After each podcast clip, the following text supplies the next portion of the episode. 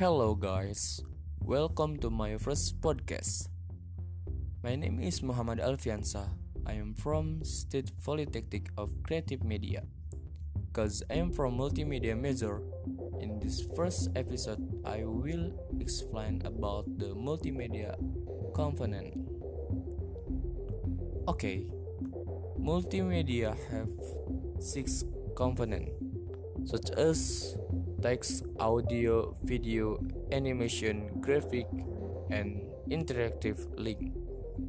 First of all, I will discuss about text.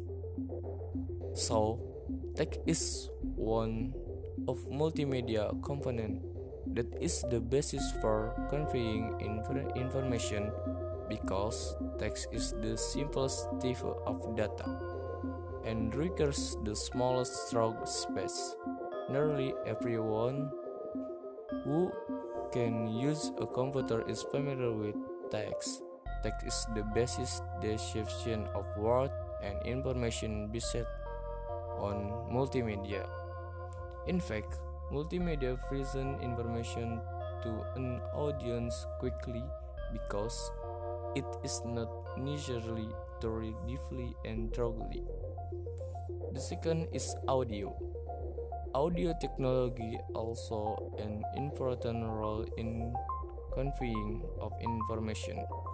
Without audio, or sound in multimedia result in is incomplete. Sound or audio in multimedia is usually in the form of music sound, voice record, and other sound effect. Audio version is another way to clarify the understanding of information. For example, narration is the completeness of the explanation seen through video. Some can better explain the characteristic of an image, example, music sound effect, and original song. Okay, three is video. Video consists of live video and full motion. Live video is the result of the processing obtained from the camera. Will the full motion video relate to stroke as a video clip? Some altering tool can be used full motion video, such as recording use VCR, which is can present high quality moving image. Next is animation. Animation is created by manually drawing frame per frame for the duration of the animation. Then graphic. In general, picture or graphic means still image like, like picture and photo. Humans are very visually oriented. An image is the best tool for providing information. Graphic is an important component in multimedia.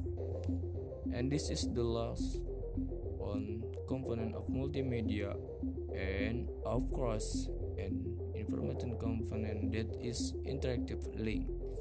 Some multimedia is interactive when user can press the mouse or object on the screen such as button or text and cause the program to carry out certain command. Interactive link with the information they are linked to often linked in their entirety is hypermedia.